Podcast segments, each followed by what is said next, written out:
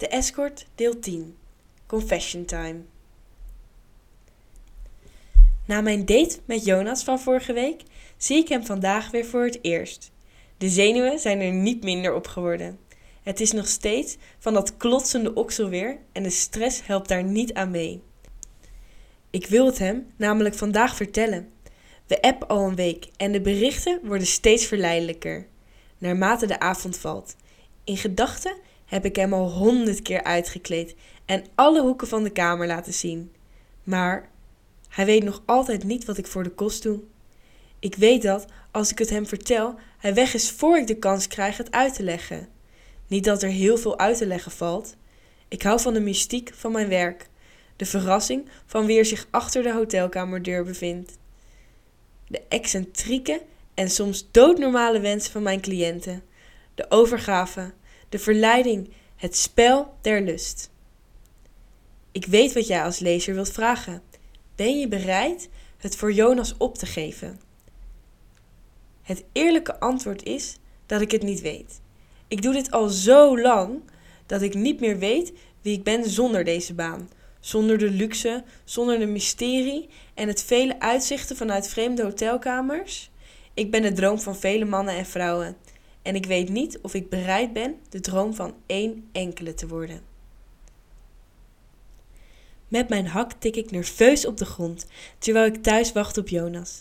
Ik heb geen moeite gedaan om het romantisch te maken, zodat hij niet afgeleid kan worden. Zodat ik hem geen kans geef mij af te leiden.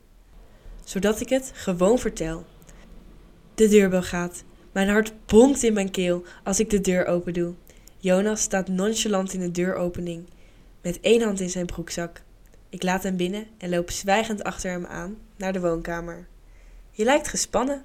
Hij grijnst terwijl hij mijn wang kust en zich op de bank laat ploffen. Je moest eens weten, denk ik bij mezelf.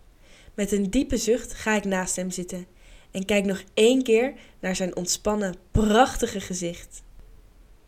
Ik moet je iets vertellen, slik ik terwijl ik denk. Ik kan nog terug. Ik kan nog terug.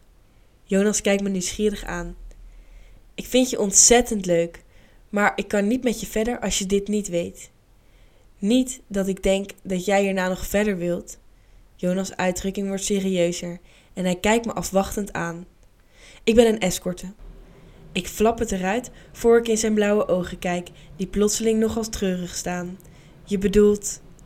Hij kijkt me bijna smekend aan, alsof ik ieder moment grapje wil zeggen.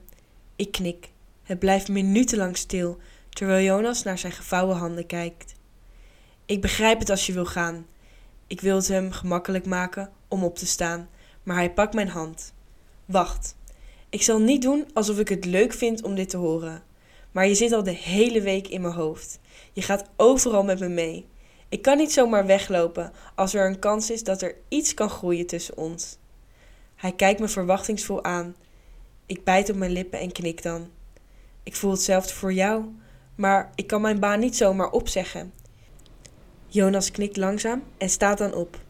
Ik heb tijd nodig om hierover na te denken. Ik zie je nog wel. En met die woorden loopt hij de deur uit. Ik kijk hem na, terwijl ik een traan over mijn gezicht voel glijden. Dit was het laatste deel van de escorten. Bedankt voor het volgen van deze serie. Op lottelust.nl vind je meer sexy verhalen om te lezen en te luisteren.